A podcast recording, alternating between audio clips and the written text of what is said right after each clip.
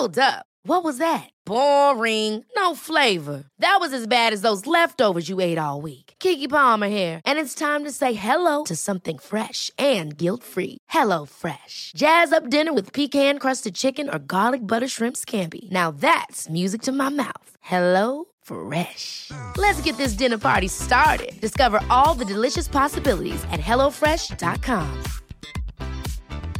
Hiring for your small business? If you're not looking for professionals on LinkedIn, you're looking in the wrong place. That's like looking for your car keys in a fish tank. LinkedIn helps you hire professionals you can't find anywhere else, even those who aren't actively searching for a new job but might be open to the perfect role. In a given month, over 70% of LinkedIn users don't even visit other leading job sites. So start looking in the right place. With LinkedIn, you can hire professionals like a professional. Post your free job on linkedin.com slash achieve today. Hey, it's Ryan Reynolds, and I'm here with Keith, co-star of my upcoming film, If, only in theaters May 17th. Do you want to tell people the big news? All right, I'll do. Sign up now and you'll get unlimited for $15 a month in six months of Paramount Plus Essential Plan on us. Mintmobile.com slash switch. Upfront payment of $45 equivalent to $15 per month. Unlimited over 40 gigabytes per month. Face lower speeds. Videos at 480p. Active Mint customers by 531.24 get six months of Paramount Plus Essential Plan. Auto renews after six months. Offer ends May 31st, 2024. Separate Paramount Plus registration required. Terms and conditions apply if rated PG.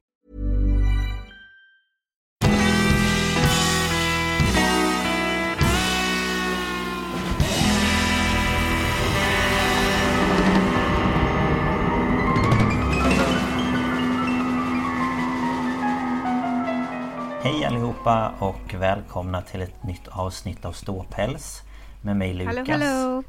Hallå! Och med mig Ida. och med Ida Idag eh, gör vi en liten ny grej som vi aldrig gjort förut Vi sitter eh, hemma hos eh, oss själva, ensamma Ja, var för sig. eh, Och eh, ja, vi får se om det här kommer funka Ja men Alltså eh, min den här lilla mm, vågköttafräsen hoppar när jag pratar så jag hoppas att det blir något ljud i alla fall. Jo men det gör min också Det fick bli så här den här gången Ehm, Ja, så att, eh, eh, det, blir, det blev lite tokigt med att kunna ta sig till varandra. Det är så jävla varmt så jag vet inte om någon av oss hade velat Nej gå ut överhuvudtaget. Jag kom precis hem från jobbet och eh, ja, det räcker.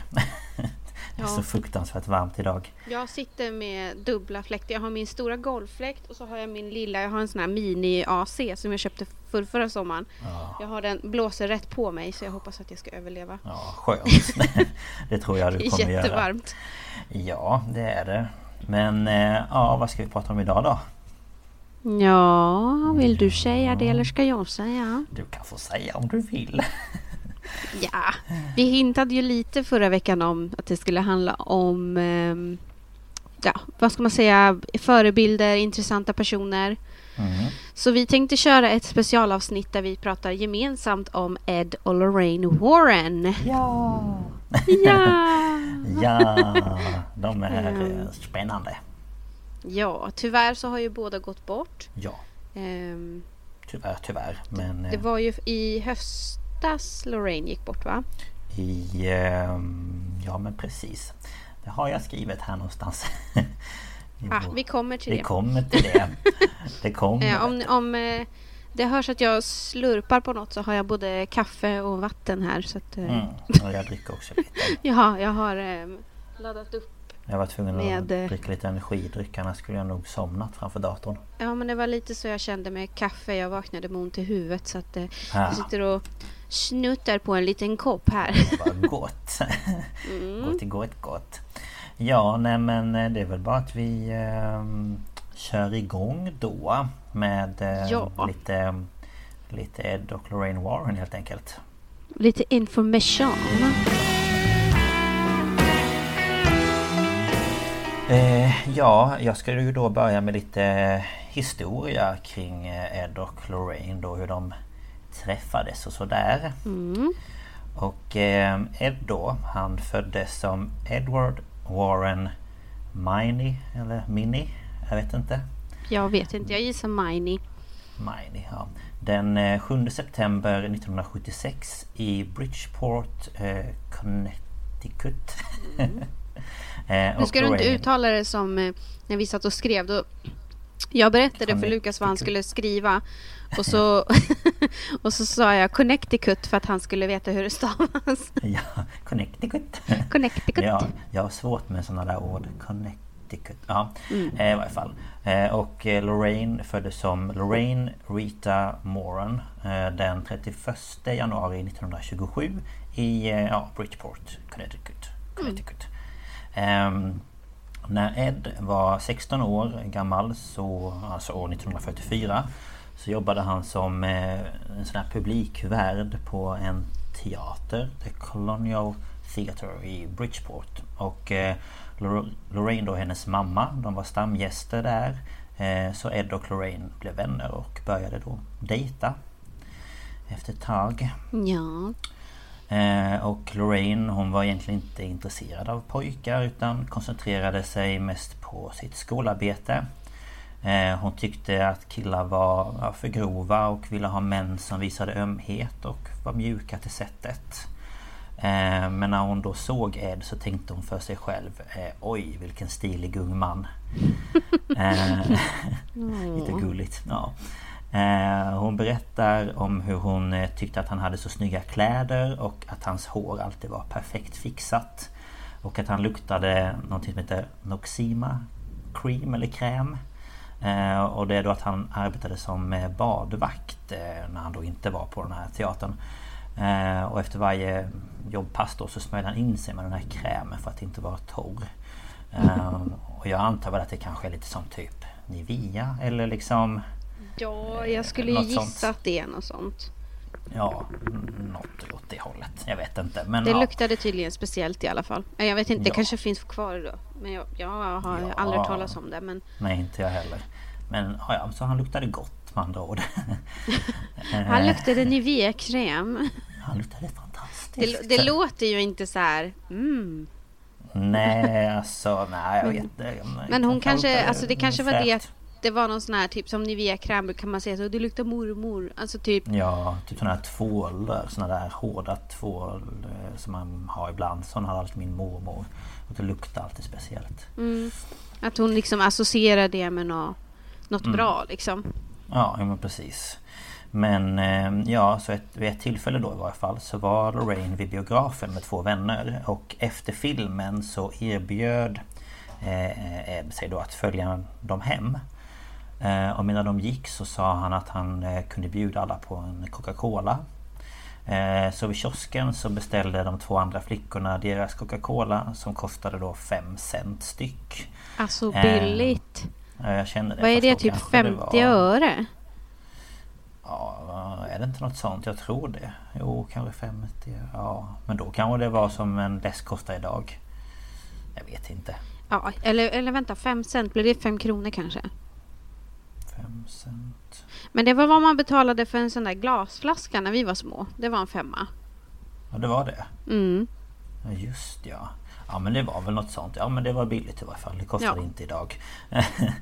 Eh, men Lorraine då, hon beställde istället en eh, sån här Coca-Cola float. eh, Alltså med Coca-Cola och glass och sånt. Ja, typ mjukglass tror jag.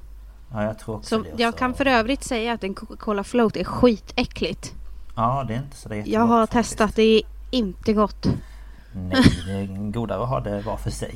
Ja, verkligen. Eh, ja, eh, och den kostade då i alla fall 10 cent. Och eh, då brukade Ed då senare i livet skämta om det här tillfället och sa att han visste redan då att hon var en gold digger.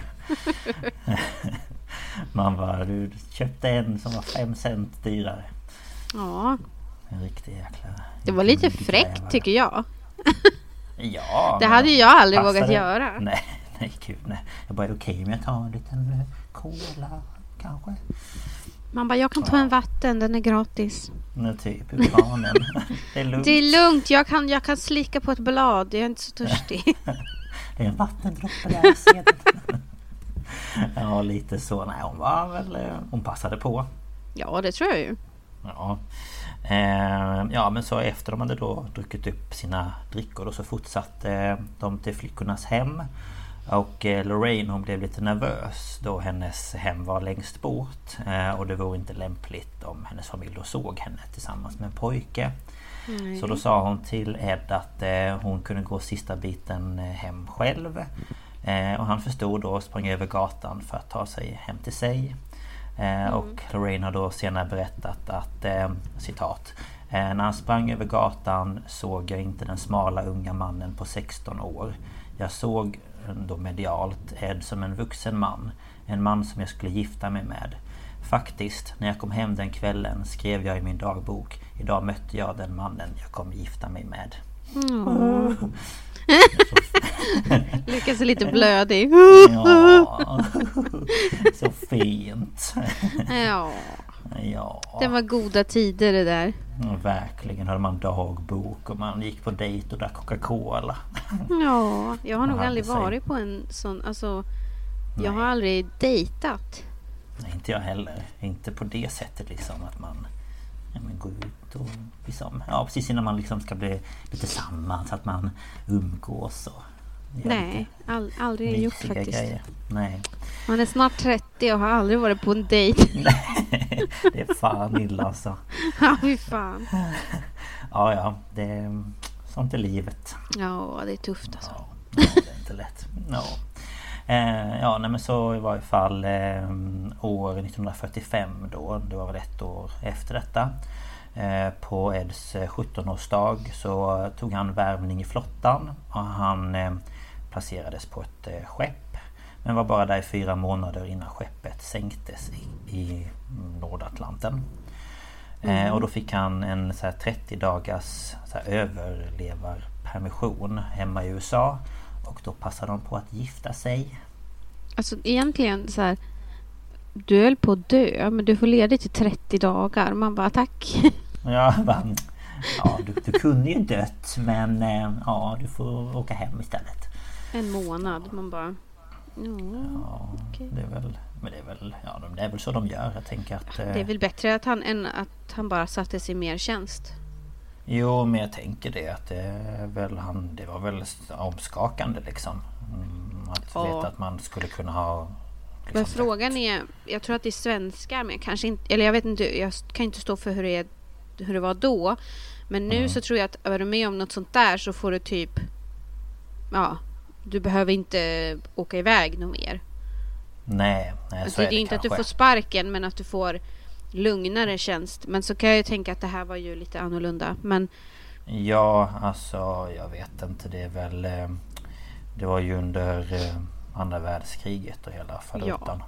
Men sen så vet man ju inte väl... hur mycket det var han som ville åka tillbaka också. Det... Nej, det, det har vi inte hittat någon information om. Men Nej. Eh, det kanske var så då att man fick 30 dagar och sen fick du tillbaka i jobbet igen. Ja, det var ju lite hårdare på den tiden än vad det är nu skulle jag tro. Ja, gud ja. Eller i alla fall, I amerikanska armén, den är ju ganska hård. Men våran är ju ganska soft, ja, tror jag. det känns inte som att den är... Det är väl... Jag vet inte. Jag tror Nej. inte att det är så farligt faktiskt. Ingen, ingen av oss har gjort lumpen så vi kan inte... Nej. vi kan inte stå för någonting vi säger.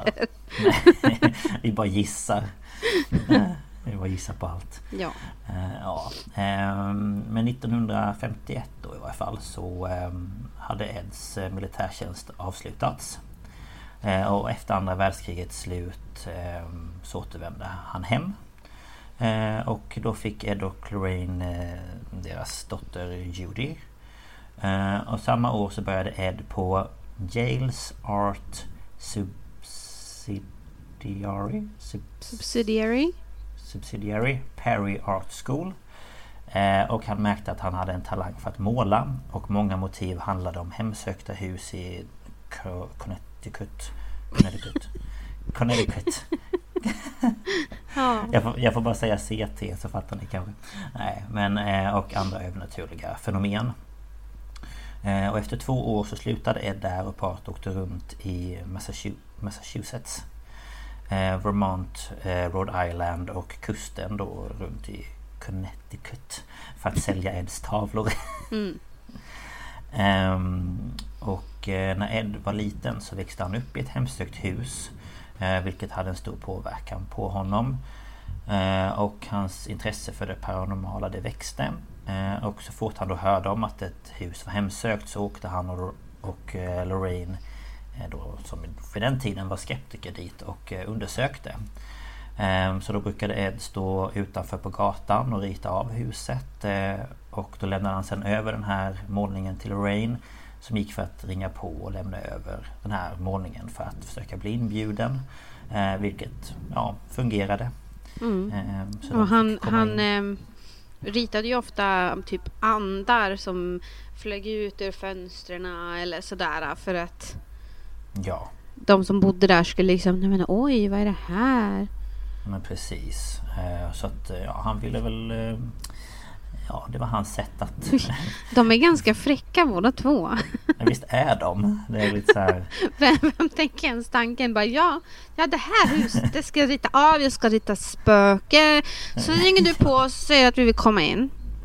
Ja, jag tänker om det är någon som är liksom livrädd som bara, vadå spökar det här? Ja, skulle vi kunna få komma in och prata om detta? Ja, titta här, det bara flyger ur fönstren ja. på bilden. det bara kommer överallt, skorstenen och dörren och...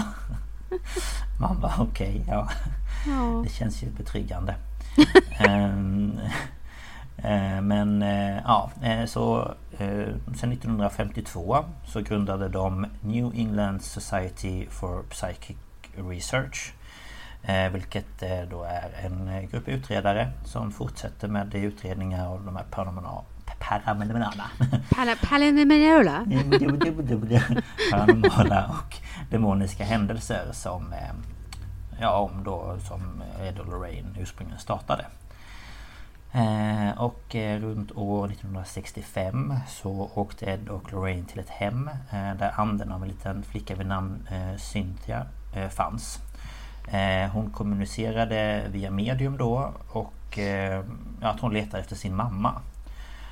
Och det här gjorde att Ed och Lorraine valde att inte bara undersöka Alltså hemsökta ställen då utan även hjälpa både andra som fastnat Eh, och ägaren till eh, själva huset. Mm. Eh, och de berättar att gruppens arbete är baserat på religion men även då på vetenskap. Mm. Och Ed och Lorraine var båda katoliker och ansåg att de hjälpte dem att bekämpa demoner. Alltså att mm, religionen hjälpte dem mm. att... Mm. Och Ed han var en självlärd eh, demonolog och Lorraine var synsk och kunde även låta andra tala genom henne. Mm.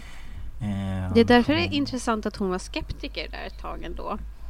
Ja, vi pratade lite om det ju innan. Eh, att mm. det är lite konstigt för att om man eh, kan se saker då borde man ju förstå att ja, men det är ingen annan som ser det här som jag ser. Men Var, hur kommer dels det sig, kanske liksom? hon, hon kanske kopplade det till Alltså att det hon såg inte var... Paranormalt? Ja precis och det var inte negativt eller... Ja. Um, sen så kanske... Alltså katoliker det här med andar och sånt det får man ju inte tro på. Nej såklart. Um, så det kanske var lite sånt men... Ja sen tänker jag också uppfostran. Hur mm. de hade det, alltså Lorraine hur hon hade det när hon var liten och Mm. Om det talades som sånt eller om det bara var liksom att det är Guds ord och ja. Mm. Man vet ju inte.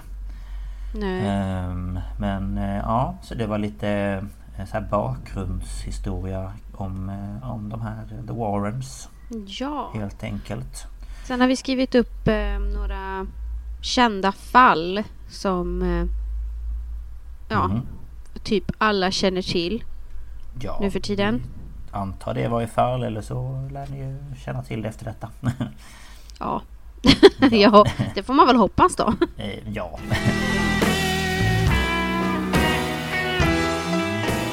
Vi tänkte som sagt var dra historier. Så, oj gud, jag hickade mitt när jag skulle prata. Historier. Det blev så här. Um, så det blir jag som får börja min historia och jag ska berätta om um, ett fall som jag tror de allra flesta känner till just nu. Ja, um, det antar jag i varje fall. Det är väl typ ett av de mest kända fallen och det är högaktuellt nu. Mm. I ja, vad säger man, populärkultur. Populärkultur, ja, precis. Så jag ska prata om Annabelle. Mm. Mm. Den, eh, jag gissar typ bara namnet sätter lite skräck i vissa människor. Ja, Alltså visste du att det finns folk som på riktigt just nu döper sina döttrar till Annabelle? Mm, jag tänkte precis säga det. Det är ju en vän till eh, oss som fick barn och har döpt den till Annabelle. Varför? Ja, för att du vill skrämma livet på folk. Kom Annabelle! Man bara åh, åh. Ja, jag vet inte. Ja. Ja. Ehm, någon gång mellan 68 och 70, alltså 1968 och 1970. Vi, vi eh, hittade lite blandade årtal när vi Ja, gjorde just ja. research. Bland annat på Ed och Lorraines den här... um, Vad hette nu det här uh, News Society? England, ja. ja, eh, där stod det både 68 och 70 på deras hemsida. Så de vet nog inte riktigt heller. De bara, när var det nu egentligen? Så vi säger mellan 68 och 70. Mm. Så köpte en mamma en Raggedy Ann doll. Det är alltså en slags trasdocka. Från en antikaffär. Och hon gav den till sin dotter i födelsedagspresent. Och dottern Donna, hon pluggade till sjuksköterska. Eh, och jag vet inte varför man ger en vuxen dotter en trasdocka. Men det, det måste ju vara Nej. något barndomsgrejs. Ja, det vi, ja, jag tror ju som jag hade en eh, tanke kring när vi skrev det här att det kanske kan vara att hon har haft en sån när hon var liten. Ja, att det har liksom precis. Sen, alltså sentimentalt eh, Mm. värde. Jag vet inte. Mm. Ehm, hon blev i alla fall glad för den här dockan. Ehm, och eh, Donna då när hon pluggade, hon delade en liten lägenhet med sin rumskompis Angie. Och som sagt hon blev ju glad för den här och hon satte den på sin säng som så här, ja men dekorationer, det var gulligt att den satt där liksom. Mm. Eh, och efter några dagar så märkte både Donna och rumskamraten Angie att det var något konstigt och lite obehagligt med den här dockan för att den kunde flytta sig runt i lägenheten. Till en början var det bara små rörelser som till exempel att den kunde ha ändrat sin position. Mm. Alltså typ flyttat en arm eller satt sig upp eller Mm. något sånt där. Men allt eftersom tiden gick så blev det mer märkbart. Ehm, Donna och Angie kunde komma hem och hitta dockan i ett helt annat rum. Eh, ibland hade den korsade armar eller ben och ibland kunde den stå rakt upp och ner. Mm. Eh, och jag förstår inte riktigt för en Raggedy Ann doll, de är ju mjuka så det är liksom lite så Det här. går ju inte. Åh, vilken panik jag hade haft. Ehm, Alltså komma in hem efter jobbet eller någonting så bara står en jävla docka i... Nej fy fan. ja, nej. Vi kan ju Eh, tillägga flera... det bara att eh, dockan i filmerna är ju inte en sån. Alltså Nej, nej, det är nej, en helt annan slags docka de har i filmerna så att den ser inte ut så överhuvudtaget. Och jag kan nästan tycka att den riktiga, det är mer obehagligt för att den ser så oskyldig ut. Ja visst gör den. Det ser liksom ut som en, ja, men en sån docka som de flesta barn kanske hade när de var små. Ja. Men ja, yes. Jag ville bara tillägga det. Ja, nej, för den, den som är i filmen är ju typ någon slags Ja, porslinsdocka porslinsdocka. liknande. Mm. Ehm, ja. Eh, flera gånger så lämnade Donna den på soffan innan hon gick till jobbet och när hon kom hem så kunde den ligga i sängen med sovrumsdörren stängd. Mm. Och då har alltså ingen varit hemma. Och eh, Annabelle hon rörde sig inte bara utan hon skrev också.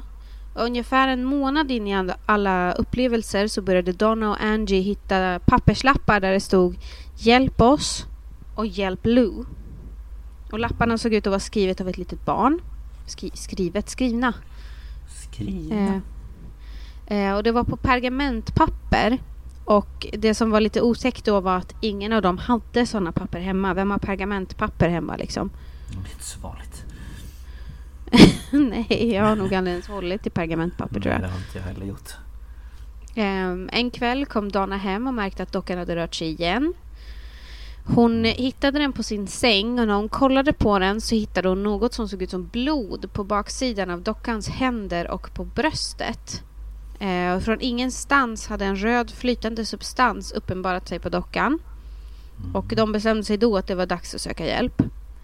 Eh, Så de kontaktade ett medium och höll en seans. Och då fick de kontakt med en ande och det var en liten flicka vid namn Annabelle Higgins. Mm. Och eh, Annabelle var en ung flicka som hade bott på platsen där lägenheten senare byggts. Hon hittades död i ett fält, eller på ett fält, jag vet inte hur man säger, skitsamma. Ja, någonstans. När, hon var i alla fall sju år när hon hittades. Och hon kommunicerade med mediet och sa att hon kände sig trygg med Donna och Angie och ville stanna hos dem och bli älskad. Mm. Så de tyckte synd om henne och lät henne stanna i dockan och vara kvar hos dem. Mm. De eh, upplevde ju sen att eh, Annabelle inte var hon verkade vara. Det var inget vanligt fall och det var ingen vanlig docka. Nej, men det kunde Det jag förstå redan där och då. Hex, extremt vanligt att eh, vad ska man säga, demoniska andar och mörka andar Mm. låtsas vara barn. Ja, eller typ att de är eh, ja, men, så här, framställs som väldigt oskyldiga och Mm. eh, tycka synd om mig. Eh, ja, så att man ska få liksom medkänsla och så. För. Ja, och det som är farligt med sådana mörkare andar också är ju att när man ger dem tillåtelse att stanna så kan de börja Mm. göra farligare saker. Ja, Just för att de har fått tillåtelse av dig att vara där. Mm. Precis. Ja, Det är lite... Mm. det är lite obehagligt. Nu kommer vi till Lous berättelse. Och då kommer ni väl ihåg att dockan hade skrivit Hjälp Lou. Mm. Lou var vän med Donna och Angie och han var där när dockan kom dit. Uh, han var aldrig särskilt fäst vid den och hade flera gånger varnat Donna om att dockan var ond och att hon borde göra sig av med den. Uh, men eftersom hon tyckte synd om anden så struntade hon i vad han sa och det visade sig såklart vara ett fruktansvärt misstag. Som vi sa. Ja, precis. Eh, Lou vaknade en natt från djup sömn och hade panik. Än en gång hade han haft en återkommande mardröm men den här gången var något annorlunda. Han var vaken men kunde inte röra på sig. Och när vi skrev det här då så pratade vi om att det kunde vara en sömnparalys. Mm. Ja, för det är att Ehm, man, ja, Men man, oavsett, oavsett så är det ju obehagligt. ja, gud ja. Ehm, han eh, såg sig i alla fall omkring i rummet men kunde inte se något som var annorlunda. Men så plötsligt hände något och han såg ner mot sina fötter och såg dockan Annabelle. Och den började glida upp längs hans ben och satte sig på hans bröst och inom sekunder så försökte dockan strypa honom. Eh, paralyserad och kippande efter luft svimmade han och när han vaknade nästa morgon så visste han att det här inte var en dröm. Mm. Och det som är med sömnparalys är ju det att Det känns som att det är så verkligt. hjärnan är är ju vaken men inte kroppen. Mm. Kan man väl säga. Fast hjärnan är fortfarande kvar i ett drömstadie. Mm. Så att du har fortfarande den här... Alltså när man sover så paralyserar ju kroppen hjärnan just för att när du drömmer så ska du inte skada dig. Nej men precis. Och det som händer med en sömnparalys då är att du vaknar men kroppen är fortfarande paralyserad. Mm. Och av liksom någon anledning så vänder kroppen alltid det till att det blir något läskigt. Jag har ju själv haft eh, en sömnparalys. Mm. Ehm, och det var fruktansvärt. Ja, jo. Kim har ju också haft Ehm. det och jag har haft den. Fast det var inte läskigt, det var bara konstigt. Ja, det, det var väl läskigt i den bemärkelsen att det var så, bara så konstigt. Mm. Ehm, så att mm, om man då tänker att den här dockan var ond och säger att det var en sömnparalys så kan han ju ändå känna att han blev påverkad av dockan. Mm. Ja, tänker Men han var i alla fall bestämd att de skulle göra sig av med henne. Eh, och anden som besatte den. Eh, och eh, han skulle uppleva ytterligare en skrämmande händelse. För dagen efter skulle de föra- förbereda sig på en roadtrip. Och Lou och Angie läser kartor. Och lägenheten var tyst. Men plötsligt så hörde, ljud från, hörde de ljud från Donnas rum. De trodde ju att någon hade brutit sig in. Så Lou och Angie gick mot sovrumsdörren. Eh, och de väntade tills det hade tystnat där inne innan de öppnade dörren och tände lampan. Rummet var helt tomt förutom Annabelle som var kastad i ett hörn på golvet. Och han gick in i rummet och närmade sig dockan och då fick han en känsla av att det var någon bakom honom. Mm. Så han vände sig snabbt om men det var ingen där. Och så plötsligt fick han ont i bröstet eh, och ramlade ihop och började blöda från så små skärsår. Och hans skjorta blev liksom fläckad av blod. Och när, de, när han knäppte upp den så såg de eh, sju distinkta klomärken. Eh, tre vertikala och fyra horisontala. Eh, Och han sa att det kändes som brännmärken. Men det som var så konstigt var att de läkte ju nästan på en gång och var helt borta efter bara två dagar. Mm. Och det är ju helt galet. Ja. Hur, hur förklarar man det liksom? Extremt bra läkkött. Ja, och bara så här. Ja men just eh, att det var tre vertikala och fyra horisontala. Är inte det symbol för någonting? Eller det kanske inte det är? Nej, jag vet inte. Jo, alltså man kan väl säga speciellt det här med tre. Det är ju djävulens grej, det är mocking of the trinity. Alltså Ja, ju. mm, man hånar Fadern, Sonen och den heliga Anden. Mm. Men sen så fattar jag inte, de säger ju bara att det var tre åt det ena hållet, fyra åt andra hållet. Men de säger ju inte om det var som ett kors. Nej, sant. För jag tänker det är ju också en, ytterligare ett hån. Ja, för då blir det ju både... Mot kyrkan. Ja, sant. Nej, jag vet inte eftersom det... Ja, på något sätt såg det ut i varje fall. Ja, det var, hur som helst så var det ju såklart läskigt. Ja. Men efter det här så trodde ju äntligen Donna på att anden i dockan inte var den här lilla Annabelle Higgins utan att det var demoniskt. Mhm. Så hon kände att det var dags att söka hjälp från en riktig expert och kontaktade en biskop vid namn Father Higen. Och han kände att det var spirituellt och ville kontakta någon som var li- lite högre i rang inom kyrkan och kontaktade då eh, Father Cook Mm. som i sin tur kontaktade Ed och Lorraine Warren. Mm. Eh, och de blev såklart omedelbart intresserade av fallet och kontaktade Donna angående dockan. Och eh, efter att de hade pratat med Donna, Angie och Lou kom de fram till att dockan inte i sig var besatt utan var manipulerad av en omänsklig närvaro.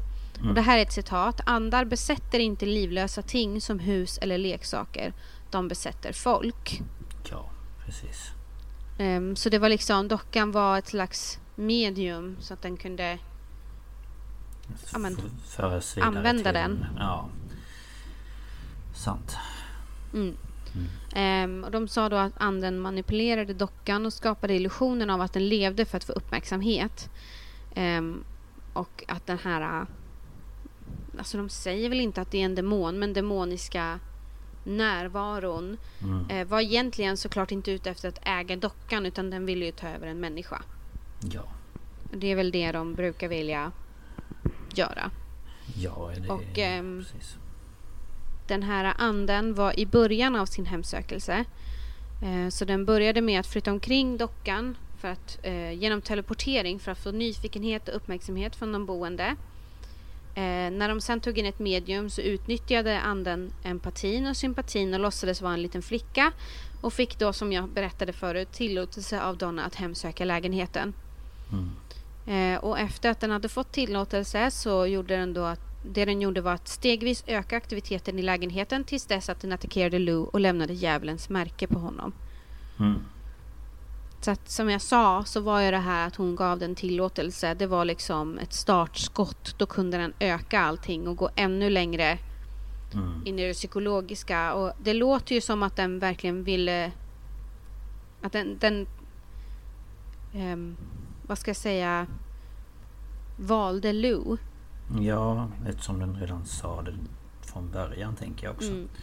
Sen tänker jag om det är djävulens märke. Det jag sitter och funderar på är om typ att den rev så att korset blev upp och ner. För det är ju också... Ja, Och sen att det var. Ja, jag vet inte. ja jag vet inte. Nej, vi får kanske se hitta någon... Det kan inte finnas någon bild. Nej, jag vet inte. Jag har ingen aning. Det borde ju ha varit på hemsidan då kan man tycka. Ja, sant. Vi hittade ju alla såna här case files på deras hemsida. Mm. Eh, Men nästa steg av den här hemsökelsen skulle ha varit en fullbordad mänsklig besatthet. Och hade aktiviteterna fått fortsätta i två till tre veckor till hade anden kunnat tagit över, skadat eller dödat någon av de som bodde där. Och jag, jag tror ju att det var den där Lou som var i farozonen. Eller så var det det att den kände sig hotad av honom. Ja, det, jag tror också det för att eh, han inte gav den någon större uppmärksamhet. Mm. Eller liksom att, eh, ja... eh, Han eh, kanske ja, inte trodde på det och var lite såhär, Mm. nej. Mm. Men i alla fall efter de hade gjort sin utredning så kände Ed och Lorraine att en exorcismvälsignelse behövdes. Och de bad då Father Cook att rensa ut lägenheten. Och den här välsignelsen är ett sju sidor långt dokument som bara utstrålar positivitet. Och istället för att liksom fokusera på att eh, kasta ut onda andar från bostaden ligger fokus på att fylla bostaden med kraften av positivitet och Gud. Mm. Och på Donnas begäran och som en extra säkerhetsåtgärd tog Ed och Lorraine Annabelle med sig när de åkte. Mhm. Och Ed satte Annabelle i baksätet på deras bil. Och de liksom kände att de inte borde ta motorvägen tillbaka utan ta mindre vägar och det visade sig att deras instinkt var rätt. För de kände ganska snabbt en negativ närvaro från den här dockan. Och vid varje kurva så vinglade bilen och motorn stannade vilket gjorde att styrningen och bromsarna slutade fungera. Och det är väl antagligen, har väl någonting med, alltså det är ju äldre bilar. Det, jag tror inte att det funkar inte riktigt så nu. Nej. Eh, det var men väl, eh, ja, ja, det var ju livsfarligt i alla fall. Eh, ja, men vi kan inte bromsa men ah, skitsamma vi bara kör. Du kan varken bromsa eller styra liksom. Nej, sant. Du kan bara köra rakt fram. Ja. Eh, Ed sträckte sig då mot baksätet, eh, mot sin väska som han hade där och tog fram en flaska med vigvatten och sträckte sig mot dockan och stänkte liksom vattnet på den samtidigt som han gjorde korstecknet över den. Och då slutade aktiviteten omedelbart. Så de kunde ju då säkert åka hem. Eh, när de kom hem så satte Ed dockan på en stol vid sitt skrivbord. Och under kommande vecka så svävade dockan och den flyttade sig mellan olika rum. Och vid ett tillfälle kom den katolska exorcisten Jason Bradford till huset. Och när han såg Annabelle så plockade han upp den och sa Du är bara en trasdocka Annabelle. Du kan inte skada någon. Och så kastade han tillbaka henne i stolen. Och Ed bara, det borde du inte ha sagt. Nej, Och. Lorraine blev jätteorolig. Och visste inte om Jason skulle komma hem säkert och bad honom köra försiktigt och ringa när han var hemma. Alltså så jävla korkat. Alltså varför gör man det? Det är så här, du är till och med en eh, Du är till och med en Exorcist. exorcist. Alltså du utför ju liksom, ja jag vet inte. Ja. Några timmar senare så ringde han och berättade att bromsarna på hans bil slutat fungera vid en väldigt trafikerad korsning och hans bil hade blivit totalkvaddad. Mm, såklart. Det är ju helt Det fantastiskt. blir så när man eh, eh, retas med sådana där krafter.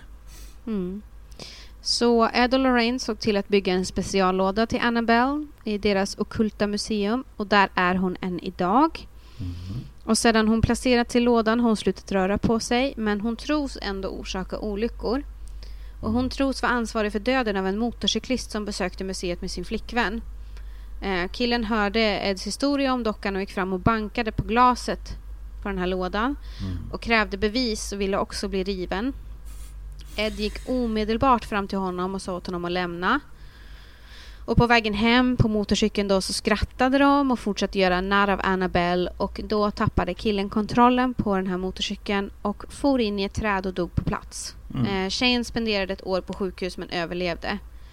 Och Ed varnar folk, eller varnade folk att inte utmana ondskan, att ingen man är starkare än Satan. Nej precis. Och det är också så här. eh, Om du är normalt funtad så tror jag inte att man eh, hade valt att ens gå fram och eh, börja knacka på den här. Men det, det här är ju folk som verkligen inte tror på det här Nej, nej, överhuvudtaget. de, de tror inte det på det alls såklart. Men det är ändå så här. Ja, vad hade du förväntat dig? Nej men... Mm, ja men lite så faktiskt. Ja. Eh, men, eh, och Annabelle sitter alltså, det är en, det är en träram med glasrutor. Och så sitter det ett, eh, ett sånt här tarotkort ja. med typ någon välsignelse, betydelse på. Det hänger ett kors på och så står det en lapp där det står positively do not open. Nej. Ehm, och ehm, vi kollar ju på Ghost Adventures Ja. och de, eh, då äger ju Zach Bagans äger ju ett museum. Han är ju inspirerad av Ed Lorraine som har sitt ok- ockulta museum. Så han har ett museum i Las Vegas. Las Vegas. Är det väl? Ja. Mm. Och i ett avsnitt då så kommer Ed och Lorraines eh, svärson, nu kommer jag inte ihåg vad han heter. Tony någonting. Ja, precis. Alltså Judys man. Mm. Eh, kommer dit då med Annabelle för att Lorraine var ju alldeles för gammal för att komma dit. Mm. Ehm, för att de ska ju få undersöka henne och han tar ju henne med handskar och han hänger ett kors runt halsen på henne. Och så säger han, ni får göra vad ni vill men ni får absolut inte röra henne. Nej. Och vad tror ni att Zack Bagans gör?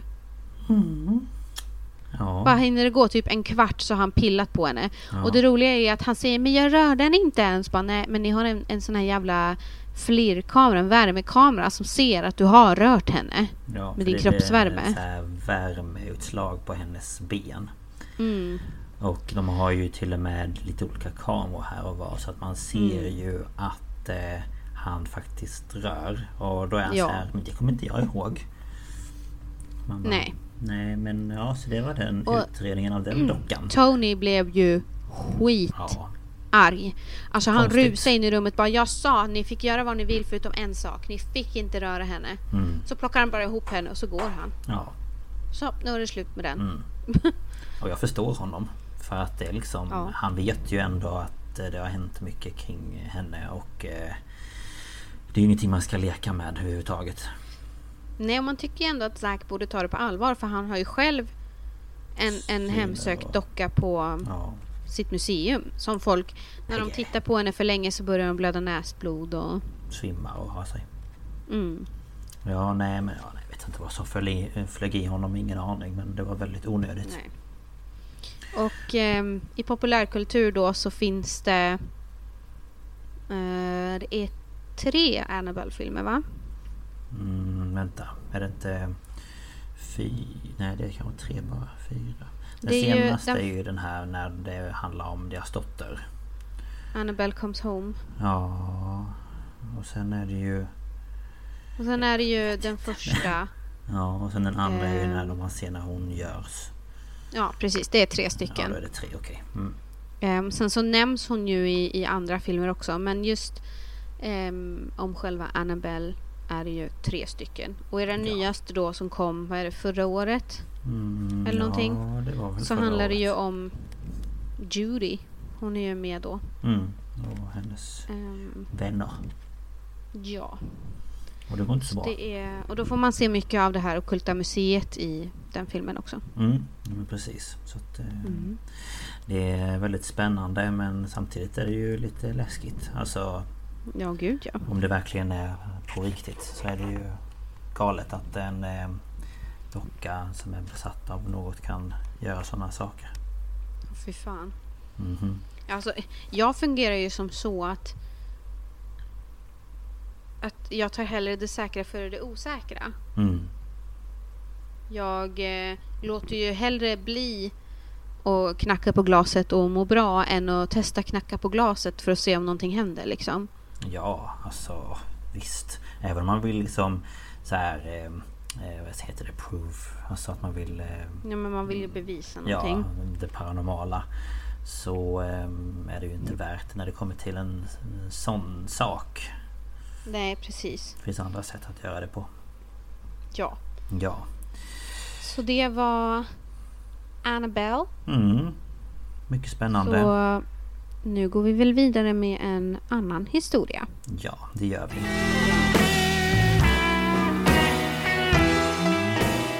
Ja, eh, och då ska jag prata om en ny liten berättelse eller historia. Eh, Och det här är nog också någonting som eh, många, eller ja en del i varje fall, har hört och sett om. För den här historien Ja. är också del av en eller en, ja det blir tre. Så kommer snart den tredje filmen. Filmer eh, som har gjorts om den här ja, händelsen. Eh, Mm. och det är då om eh, familjen eh, Piron. Eh, och det är Mm. eh, The Conjuring. Om ni vet vad det är kanske. Mm. Så det är ju egentligen den här historien som satte igång hela den här filmserien som gjordes eller som har gjorts och som görs. Mm.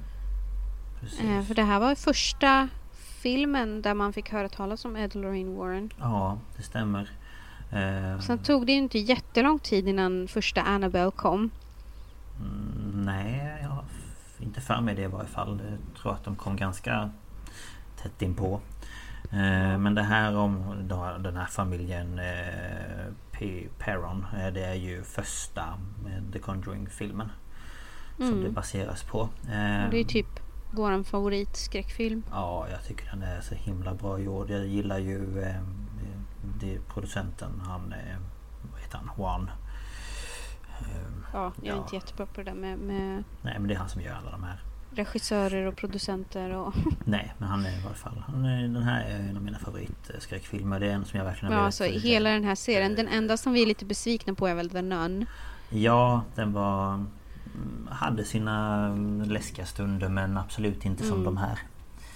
Nej, verkligen inte. Nej. Eh, men ja, jag kör väl igång då. Och berättar Ja. lite. Eh, det var då i januari 1971. Eh, så flyttade familjen eh, Perron eh, in i en 14 rums gårdhus. Någonting. 14 rum, jäklar. Alltså det är helt Det måste ju vara som en jäkla mansion. Ehm, Det var väl en riktig jävla gård? Ja det måste det ha varit. I då Harrisville, Rhode Island. Eh, Carolyn, eh, Roger och deras fem döttrar. De började omedelbart märka att konstiga saker hände. Och eh, det började även i den här mm, historien då väldigt smått. Carolyn eh, kunde märka att sopkvasten hade flyttats av sig själv. Hon hörde ljudet av något som skrapade på grytor i köket när ingen var där. Och hon kunde hitta så här små högar av jord eh, på det nystädade köksgolvet. Eh, och även flickorna märkte av andar. Eh, de flesta var harmlösa men några var liksom arga. Eh, och Carolyn eh, ska ha gjort eftersökningar på historien om gården och hade då upptäckt att samma familj hade bott där under åtta generationer. Och att många av dem hade dött på gården under hemska omständigheter. Några barn hade drunknat i en närliggande bäck och eh, några hade hängt sig på vinden. Man bara oh great. Mysigt. Usch, usch, usch. Mhm. Eh, och den enda ande som då tog, togs med i den här filmen The Conjuring heter eh, Bath Sheba och eh, var en av de mest eh, var den mest onda av alla andar. Ehm, Och eh, citat då eh, Vem är den anden vem än den anden var så trodde hon sig vara kvinna i huset och hon avskydde konkurrensen min mamma stod för. Eh, sa då Andrea Perron som var äldst av flickorna. Mm. you catch yourself eating the same flavorless dinner three days in a row? Dreaming of something better? Well, Hello Fresh is your guilt-free dream come true, baby. It's me, Gigi Palmer. Let's wake up those taste buds with hot, juicy pecan-crusted chicken or garlic butter shrimp scampi. Mm. Hello Fresh. Stop dreaming of all the delicious possibilities and dig in at HelloFresh.com. Let's get this dinner party started. Hey, it's Ryan Reynolds, and I'm here with Keith, co star of my upcoming film, If, only in theaters, May 17th. Do you want to tell people the big news? All right, I'll do it. Sign up now and you'll get unlimited for $15 a month in six months of Paramount Plus Essential Plan on us. Mintmobile.com slash switch. Upfront payment of $45 equivalent to $15 per month. Unlimited over 40 gigabytes per month. Face lower speeds. Videos at 480p. Active Mint customers by 531.24 get six months of Paramount Plus Essential Plan. Auto renews after six months. Offer ends May 31st, 2024. Separate Paramount Plus registration required. Terms and conditions apply if rated PG. Eh, och det visade sig att det funnits en riktig person vid namn eh, Beth Sheba Sherman som hade bott på gården eh, under mitten av 1800-talet. Och det gick rykten om att eh, hon var en satanist och det fanns bevis att hon har inblandad i ett av grannbarnens eh, död. Men det var ingen rättegång som hölls som man är inte säker på. Ja, om det stämmer liksom. Hon låter jättetrevlig. Ja visst gör hon. Hon känns som en riktigt trevlig dam. Eh, Det är ändå väldigt så jag vet inte. Alltså en kvinna på 1800-talet som är satanist. Ja, det känns inte riktigt... Eh, eh, Alltså om jag skulle ja. säga, jag vet inte om hon kanske var satanist men i så fall kanske hon var typ häxa. Jag tänkte alltså, precis säga det, hon det låter mest som att hon är typ en häxa snarare.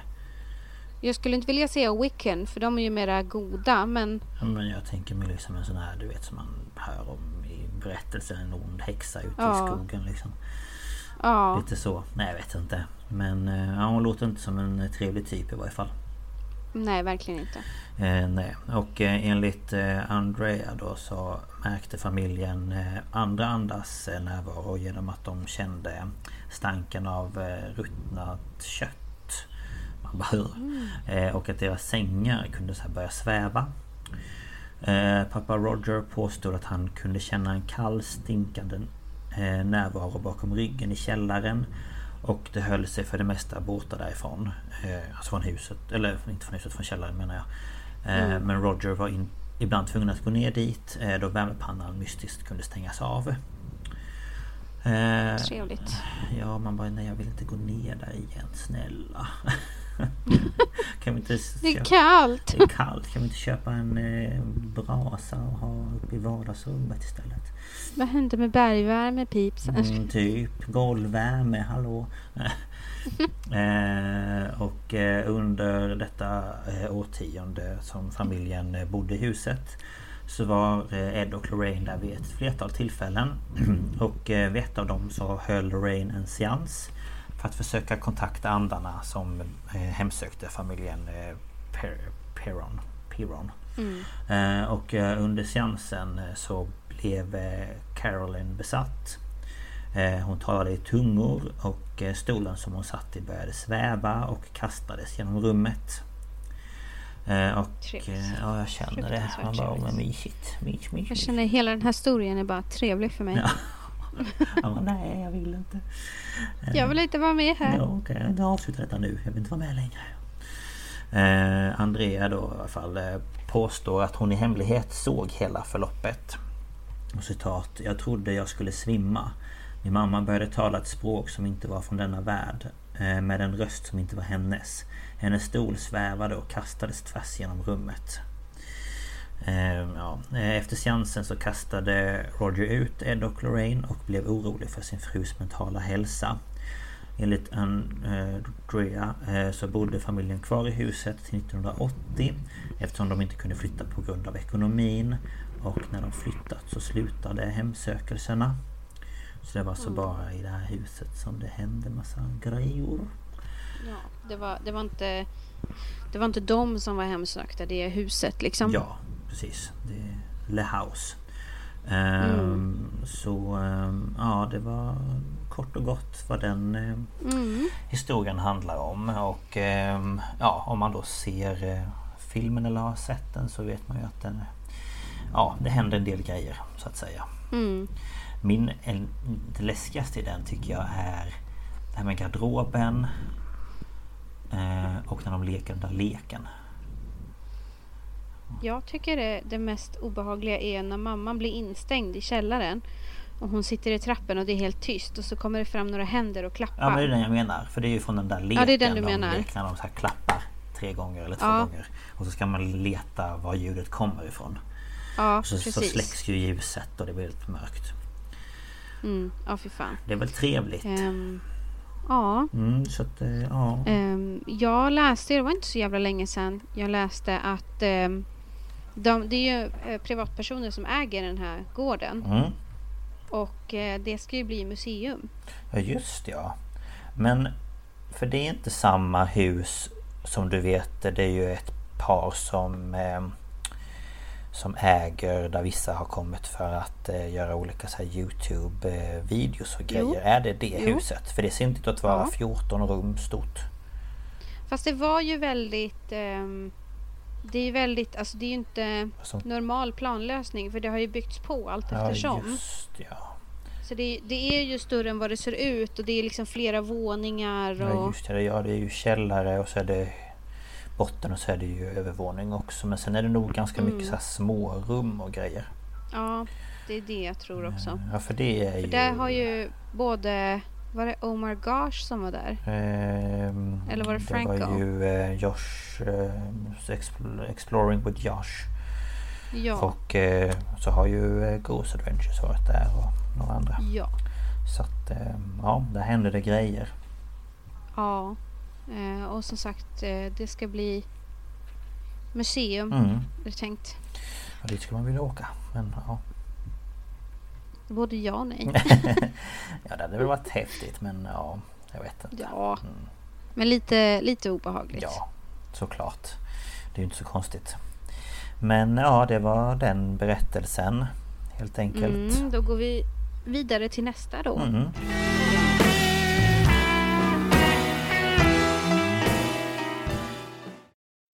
Ja, då kör vi nästa historia. Som också finns som film. Men jag vet inte om det är En- riktigt den här historien. Nej, jag vet inte för visst... Nej, jag vet inte. Det var inget. Jag ska i alla fall prata om Amityville. Mhm. Tror jag att man säger. Jo, det är det väl. Eh, och det finz ju som sagt var skräckfilm med det namnet. Men vad jag vet så har inte den någonting med det här att göra. Den är ganska gammal. Jag tror att det är en 90-talsfilm. Mm. Mm. Eh, men i alla fall då. 13 november 1974 i den lilla staden Amityville i staten New York sprang Donald DeFeo in på Harry, Harrys bar, eller Harry bar, jag vet inte vad den heter riktigt. Mm. Eh, och skrek att hans föräldrar hade blivit skjutna till döds. Great. Eh, yes. Polisen upptäckte kropparna av sex personer i familjen DeFeo. Mamman, pappan och fyra av de fem barnen. För alltså ehm, Ronald var ju det femte barnet. Mm. Ja, såklart. Och ehm, Ja, varför var det bara fyra? det är som en jävla gåta. Ja. Ehm, och alla låg med ansiktet neråt, skjutna i bakhuvudet. Eh, och Ronald påstod att han inte var hemma under tiden för morden. Men efter att polisen hittat en väska med ett eh, 35 kalibrigt Marlin-gevär i Ronalds rum så erkände han. Mhm. Och efter en lång rättegång dömdes han skyldig till alla morden och dömdes till sex löpande livstidsdomar. Japp, det var hans liv det. Mm, verkligen. Mm. Eh, Men någon förklaring till varför han sköt sin familj mitt i natten utan att en enda människa har hört skotten har man aldrig fått. Men det är ju konstigt att ingen har hört någonting. Ja, Eller det kanske... det är ju det alla, alla säger. Ja, för jag tänkte... Ja, ja det var speciellt. Ja. Mm. Mm. Mm. Så nu hoppar vi lite, lite fram i tiden till 18 december 1975. Då flyttade familjen Lutz in i DeFeos hus. DeFeo? Jag säger alltid the foes. Jag känner jag sa det verkligen så här. Ja, men jag kände jag sa det verkligen. Jag gissar att det är italienskt. Jag bara DeFeo. The feo. Ja. Sorry alla italienare. Eh, det bara blev så. Ingen fara. Eh, och de flyttar in trots att det bara gått 13 månader sedan morden. Det är ju helt galet. Men, mm. Ja, det är inte... eh, och de, eh, George och Kathleen, som de här heter, de tycker att det här holländska kolonialhuset var underbart. Ett kap för bara 80 000 dollar. Man Ja. bara, ni kan inte tänka varför det bara kostar så lite eller? Ja, bara, eh, det finns en anledning för det. Och de hade då ingen aning om att de 28 dagar senare skulle lämna det här huset bakom sig. 28 dagar senare.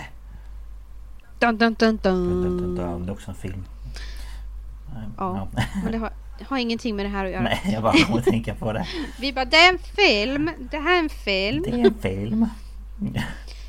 Eh, en katolsk präst anlände till huset medan familjen packade upp för att välsigna det. Och när prästen vandrade upp för trappan och in i rummet där Mark och John DeFeo bott och började stänka vidvat, vigvatten, vidvatten, vad fan är det ens en gång? är ett vitt vatten. Vigvatten, vitt- holy water, Holy. hörde han en kroppslös röst som skrek Get out! Eller ut härifrån. Det är också en film. Nästan. Eh, Nej, jag bara skojar. nu får du fan ta och ge ja, dig. nu ska jag sluta här. Eh, ja, rösten skrek Get out och det gjorde han. Mm. Eh, han berättade inte för familjen vad han hade hört. Eh, men varnade dem och sa använd inte rummet på övervåningen som sovrum och låt ingen sova där inne. Eh, trots att familjen tyckte att det här var en konstig varning så lyssnade de på honom och gjorde det till ett syrum. Mm. Och redan från första natten upplevde familjen konstiga känslor och inom några dagar hade allas personlighet förändrats och de bråkade väldigt mycket. Eh, George, alltså pappan, frös konstant och spenderade, spenderade all sin tid med att mata brasan i den öppna spisen. Eh, Kathleen, mamman, hon, hennes hälsa blev dramatiskt sämre och deras dotter stängde in sig på sitt rum och lekte med sin påhittade vän som hon beskrev som, beskrev som en rödögd gris vid namn Jody. Förlåt. What the fuck? Jag har en låtsaskompis, är en rödögd gris. Ja, du, du, där är jag inte ens klar. Jody kunde ändra form och storlek och ibland bli större än hela huset. Och hon kunde också bli osynlig om hon ville. Amazing. Alltså vad i hela helvete? Man bara... Du skulle Vad liksom fan? haft en, en i varje fall Alltså, en vad- mänsklig form som en låtsasvän eller en katt eller Nej, en men hund eller En rödögd gris, det låter ju som Gloson för en fan. typ.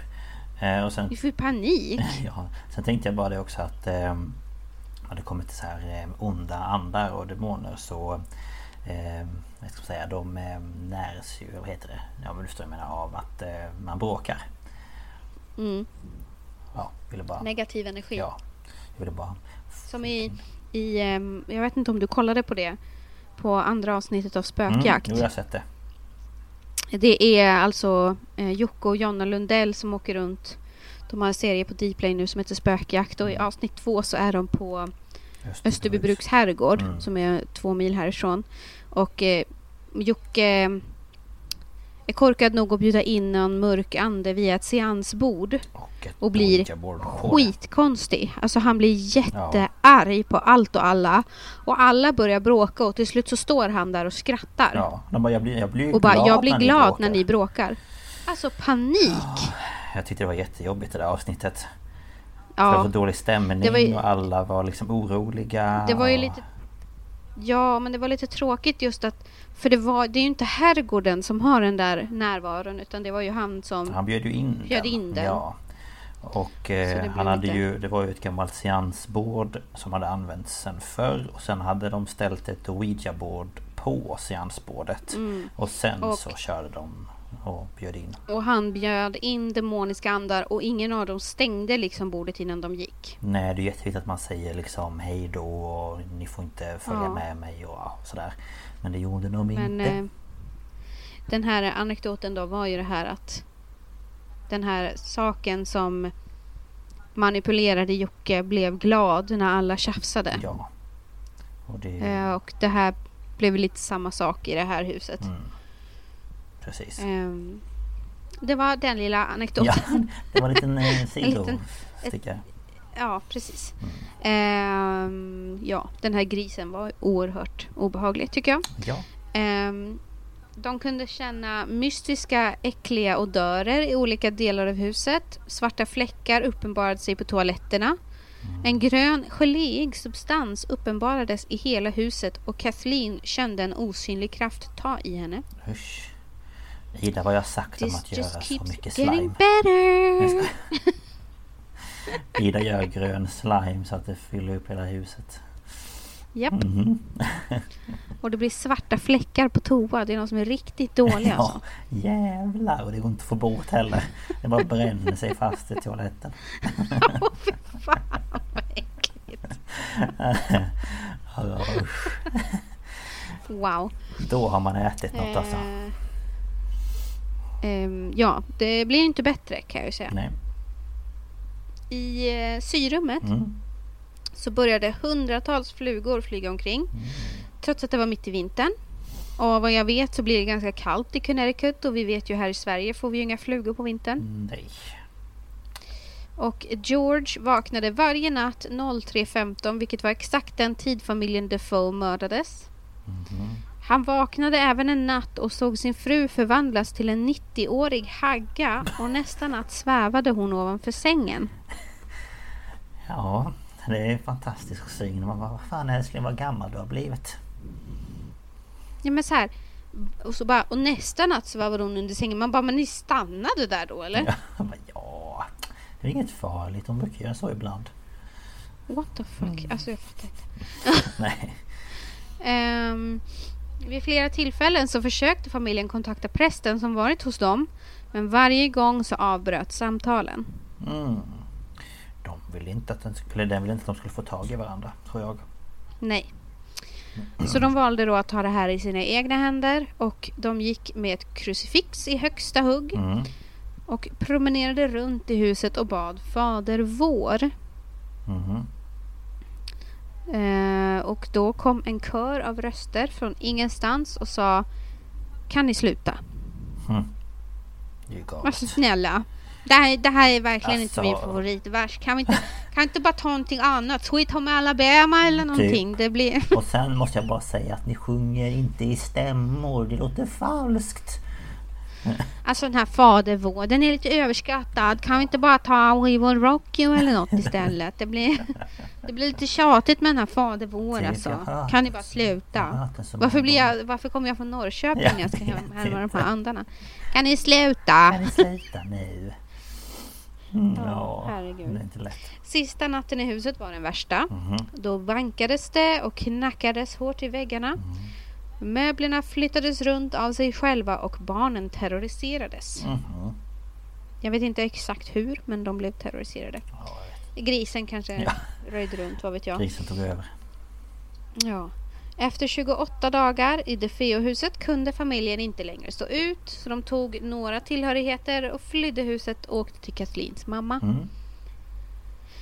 Eh, och 20 dagar efter det här så ringde en reporter från Channel 5 News antar jag. Jag har skrivit NY. New York. New York. Ehm, de, de ringde, den här reportern ringde till Ed och Lorraine och ville att de skulle komma dit. Så Ed samlade ihop ett team med reportrar, utredare, parapsykologer och parapsykologer och eh, mötte dem vid huset på 112 Ocean Avenue. Mm. Den låten kan vi. Ja, det är yellow card. Vi har en anekdot på varenda ja, grej jag här. känner det. Vad det kan jag, det vet jag. Ehm, eh, familjen Lutz vägrade gå in i huset under den här utredningen. Mm. Och under utredningen så blev Ed knuffad så han ramlade på golvet när han använde religion som provokation i källaren. Lorraine blev överväldigad av en demonisk närvaro och plågades av syner på DeFeo-familjens kroppar liggande på golvet täckta av vita lakan.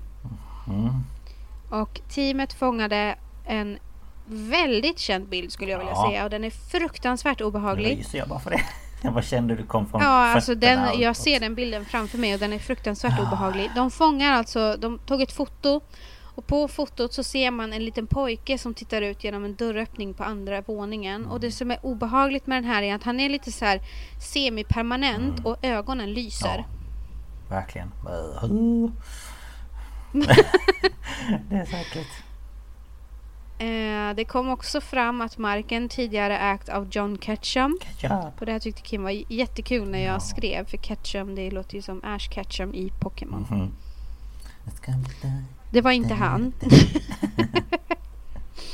Eh, Den här John Ketchum praktiserade svart magi under tidigt 1900-tal och hans kropp är fortfarande begravd på tomten. Mhm.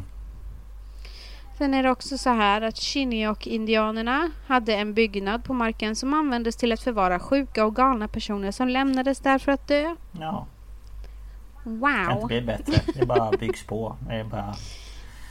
Amazing! Fy fan.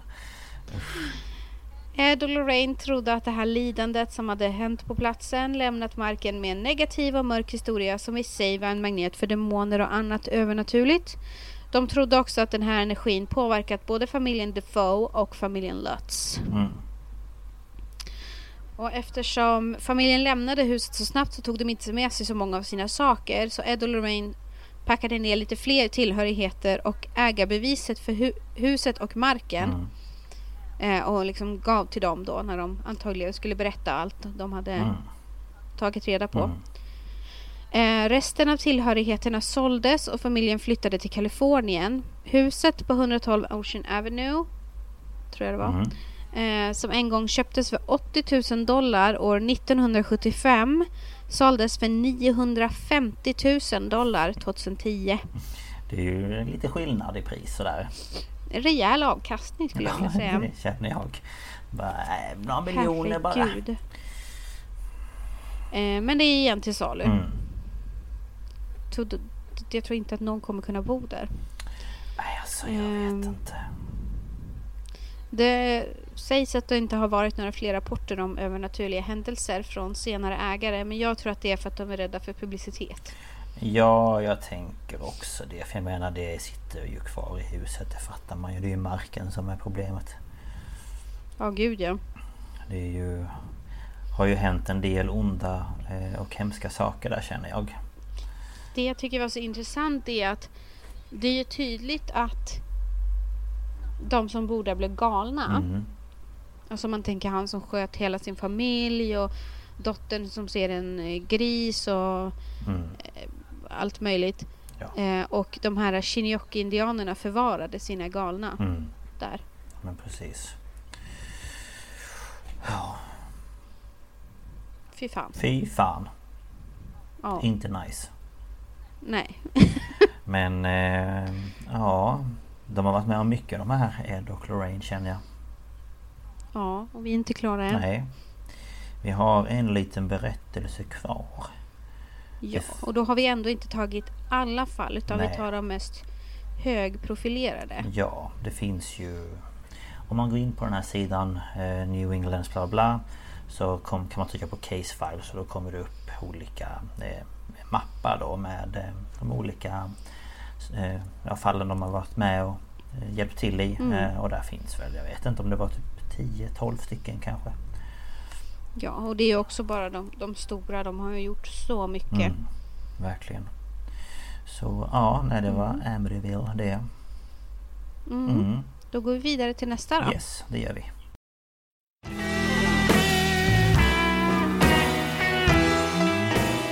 Så, Mm. då ska jag berätta om eh, den sista historien.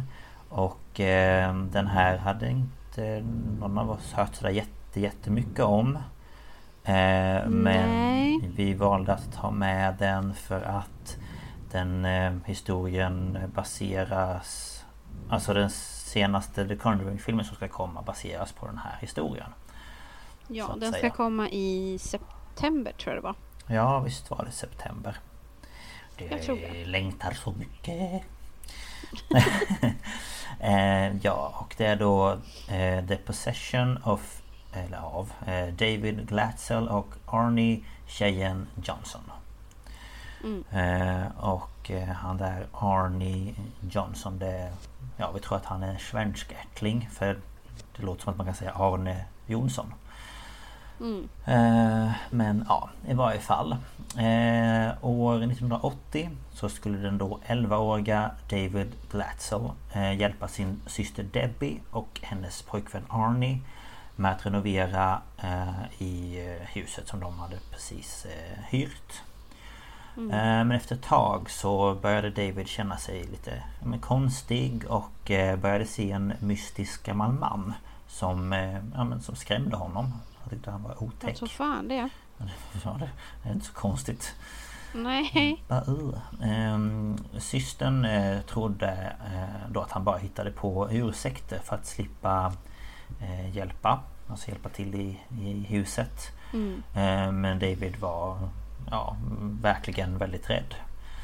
Eh, Den gamle mannen berättade för David att eh, om de flyttade in i huset så skulle någon av dem skadas. Mhm. Eh, Man bara ja men det låter som en jättebra idé. Men Eh, gud vad trevligt. Ja, det är exakt vad jag vill. Eh, Lite action i livet. Ja, precis.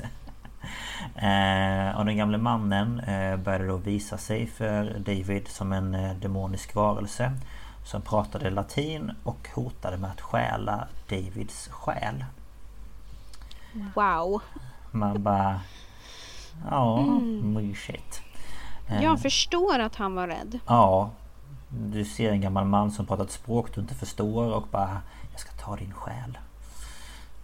Flyttar du in här så kommer någon skadas. Ja. By the way, jag vill ha din själ. Ja, man bara varsågod och ta den bara. Den är Man bara, så skadad. skojar. Eh, Men familjen de struntade i varningarna och bestämde sig ändå för att flytta in. Eh, Och alla i familjen hörde konstiga ljud som kom från vinden. Eh, men det var bara David som kunde se den här underliga och konstiga mannen. Mm. Eh, situationen den blev bara värre och värre och eh, David började bete sig underligt och han började få rivmärken och blåmärken på kroppen. Så efter ett tag så bestämde sig familjen för att ringa en präst. Eh, och prästen den eh, kom då till huset och välsignade huset. Men David fortsatte att ha konstiga syner även mitt på dagen. Han började, jag skrev inte growl men morra. Alltså, mm. ja. Och han pratade med en demonisk röst. Eh, familjen de blev vittnen till eh, när David blev attackerad av osynliga händer Som då lämnade de här rivsåren och blåmärkena på kroppen. Eh, och vid det här laget så bestämde sig familjen för att eh, kontakta Ed och Lorraine eh, som kom fram till att David var besatt. Mm. Bara, nej, säger ni det? Mycket konstigt. och det hade jag också kunnat räkna ut.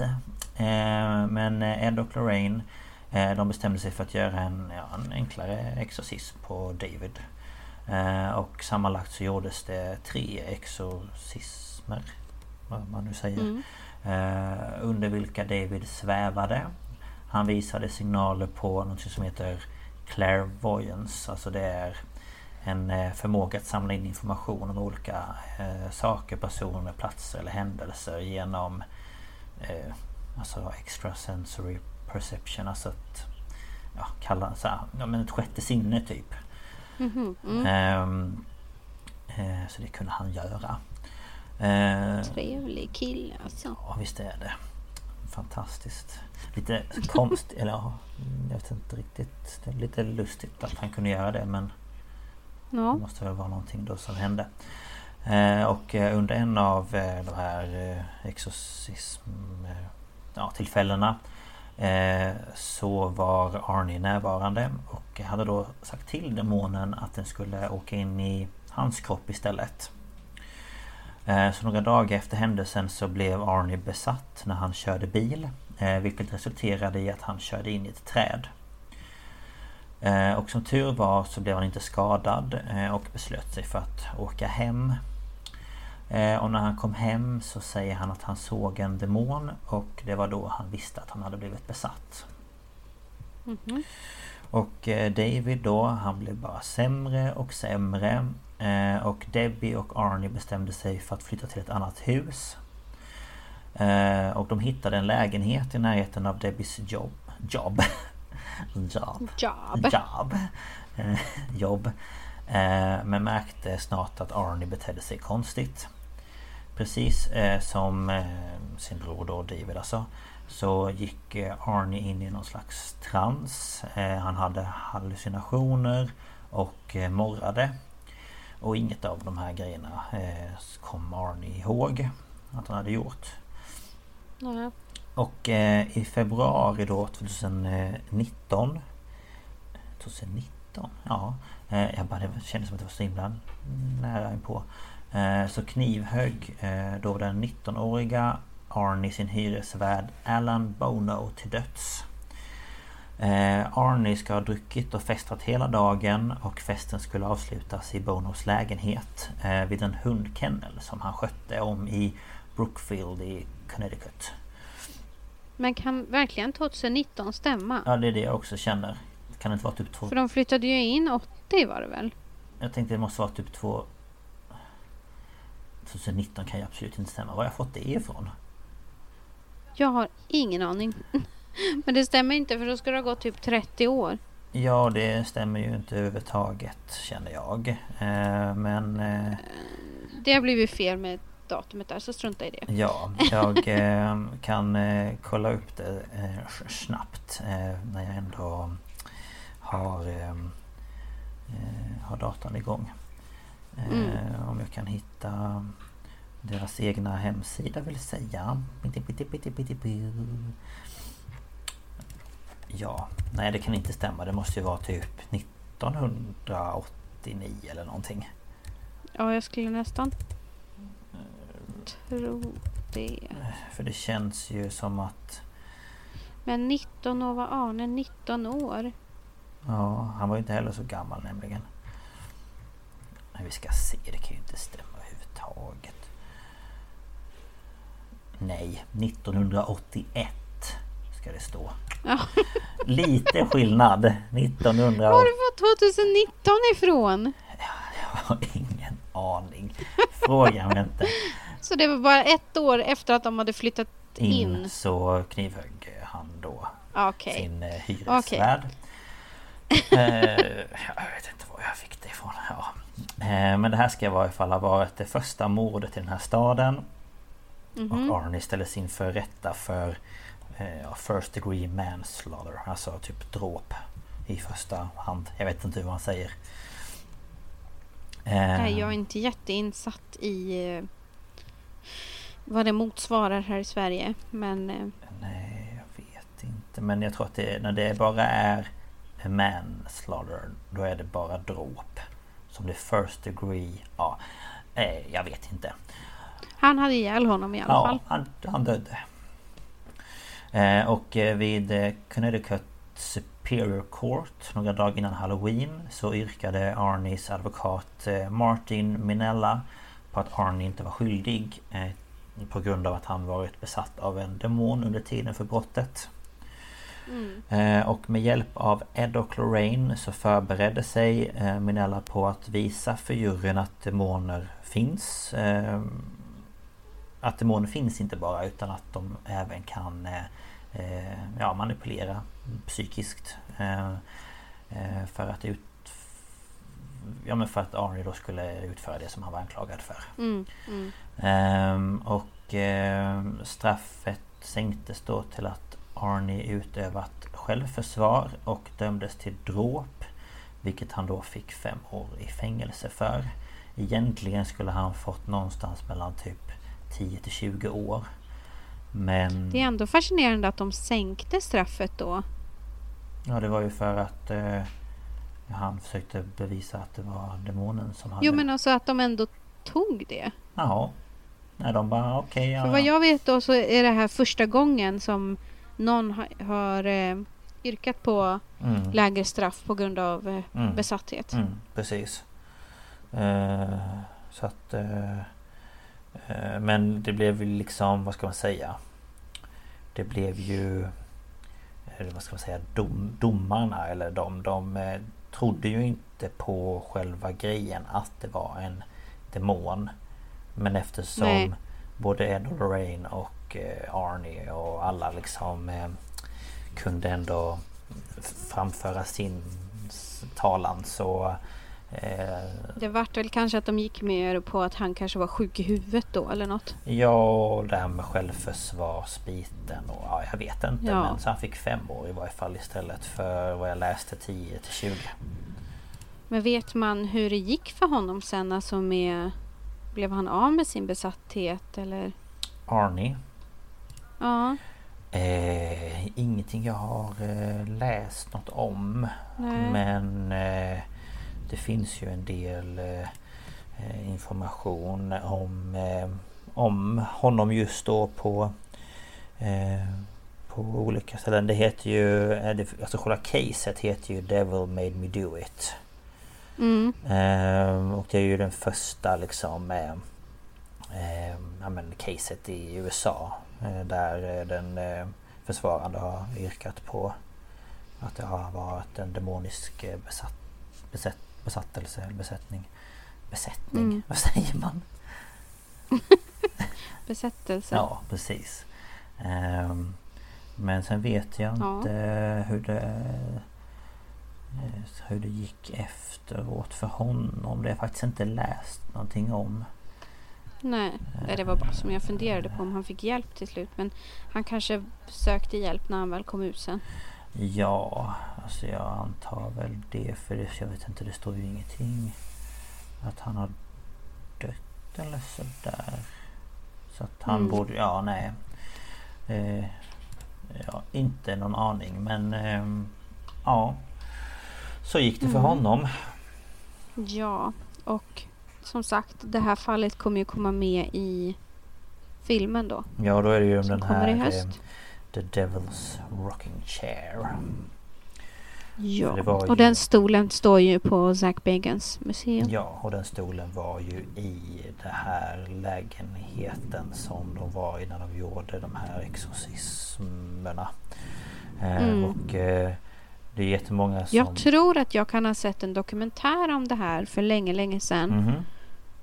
Eh, för jag känner igen det som fan, men jag är inte säker. Jag har sett när eh, det är en nyhets, nyhetsreporter på eh, Sachs eh, museum och får se den här stolen för första gången.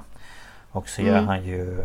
Han eh, gör ju narr av stolen, den här reportern. För Mm. att det är jättemånga som har suttit i den där stolen som får problem med ryggen. Mm. Eh, och eh, så eh, visar han då stolen för den här reportern och eh, så skämtar han om att han ska röra stolen och han bara såhär nej nej jag bara skojar.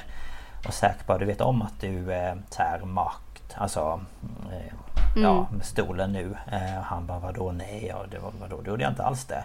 Och sen går det väl typ fem minuter och sen så ser man på reportern och han bara såhär aj. Och han säkert bara vad är det? Han bara nej jag har börjat få ont i ryggen. Ja. Ehm, och han bara, jag, jag, jag överdriver inte, jag har jätteont i ryggen just nu. Ja. Så ehm, det ska handla om eh, den. Mm, det blir spännande. Förhoppningsvis kanske man kan gå på den på bio. Ja, jag hoppas det. Det har varit spännande. Vi och får se. Ja. Yes, yes. Så det var det. Ja, men om vi skulle avsluta här med då att berätta att Ed dog den 23 augusti 2006 i Monroe, Connecticut. Och jag har för mig att han hade något hjärtproblem eller Ja. någonting. Det var något sånt där. Och Lorraine dog den 18 april 2019 i Monroe, Connecticut. Så det var ju förra våren. Mm. Jag trodde det var i höstas, Nej, men det var förra förra våren. våren. Och det var väl av ålder. Så hon var ju med på um, den senaste Annabelle-filmen. Mm. Och de, i slutet på den så är de ju såhär A loving memory of. Ja. Och så är det ett foto på henne. Mm.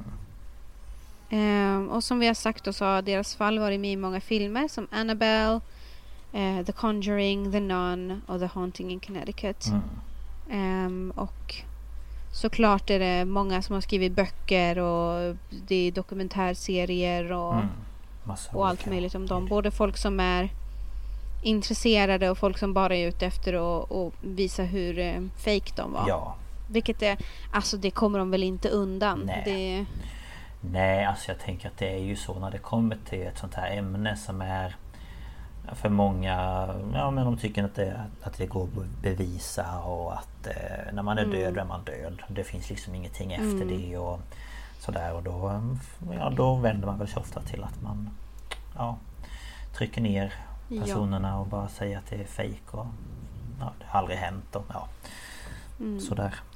Ehm, jag tänkte också ta upp, för vi kollade ju upp ehm, The Conjuring 2 Mm. när de är i Storbritannien. Mm, precis. Eh, för vi hade tänkt skriva om det fallet men det visade sig att det var egentligen inte deras fall utan det är bara ett väldigt, väldigt känt fall. Eh, jag har sett dokumentären på det också och jag är helt övertygad om att den tjejen, eh, hon är sjuk. Alltså Ja, det, det är ingen besatthet nej, på henne ja, utan det är någonting, hon, hon är sjuk.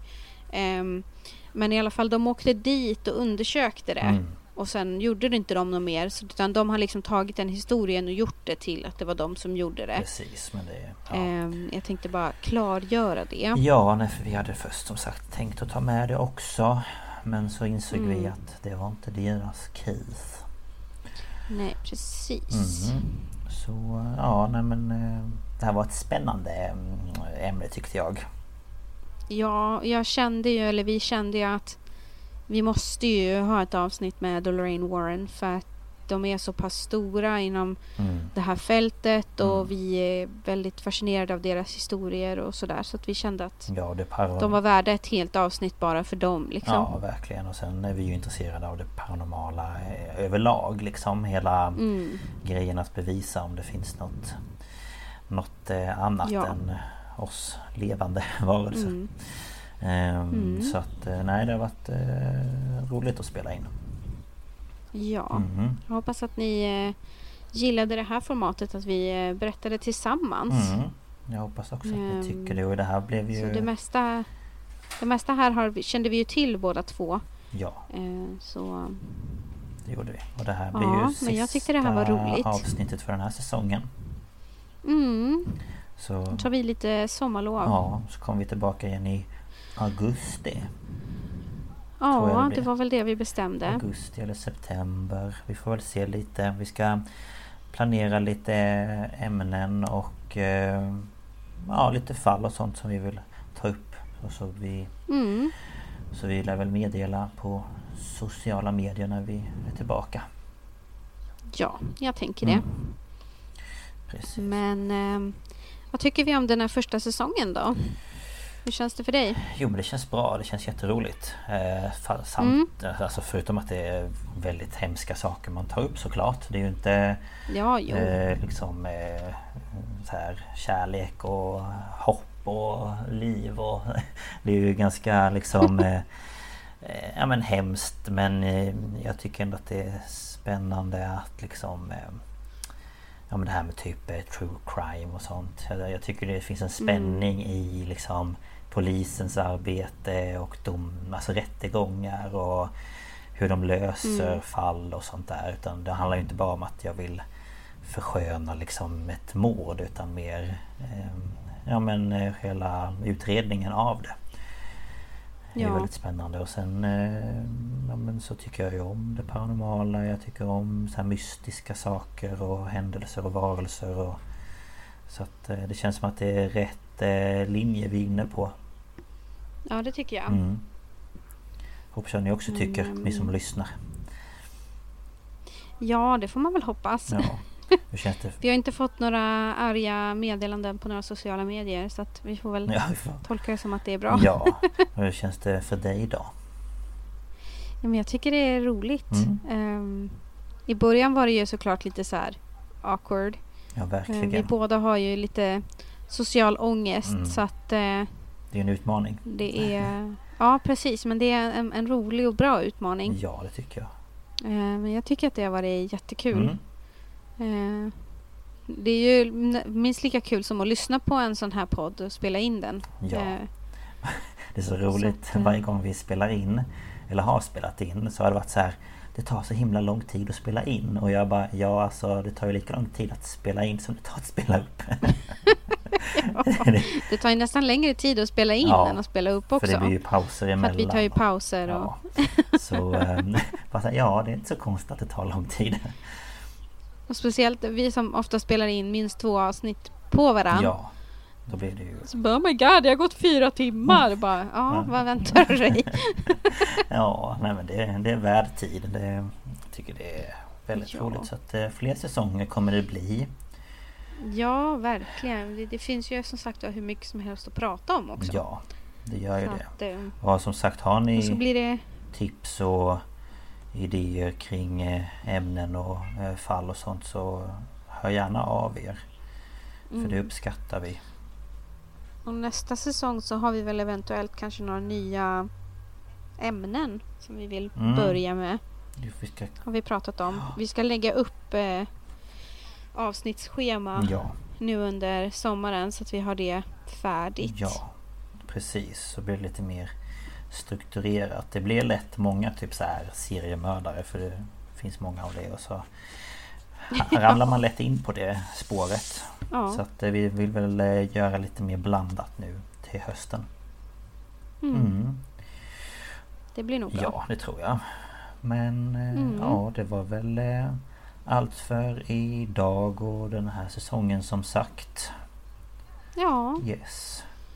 Men eh, hoppas alla har det bra. Hoppas alla hade bra midsommar och Just det. eh, har det bra i den här uh, värmeböljan vi har. Det ska bli lite bättre Ja. till eh, Nästa vecka. helgen. Ja, Men eh, glöm inte att dricka vatten och och lite så. svalka er. Nej, det är viktigt nu när det är så här himla varmt.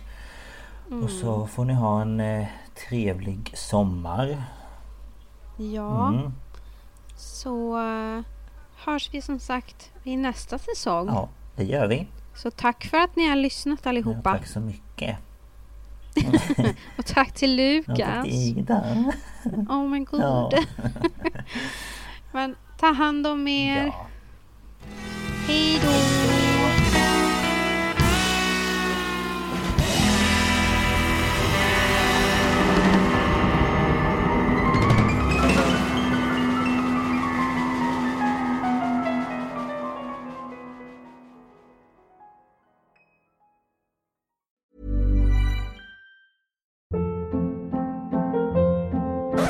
Hold up. What was that? Boring. No flavor. That was as bad as those leftovers you ate all week. Kiki Palmer here, and it's time to say hello to something fresh and guilt-free. Hello Fresh. Jazz up dinner with pecan-crusted chicken or garlic butter shrimp scampi. Now that's music to my mouth. Hello Fresh. Let's get this dinner party started. Discover all the delicious possibilities at hellofresh.com.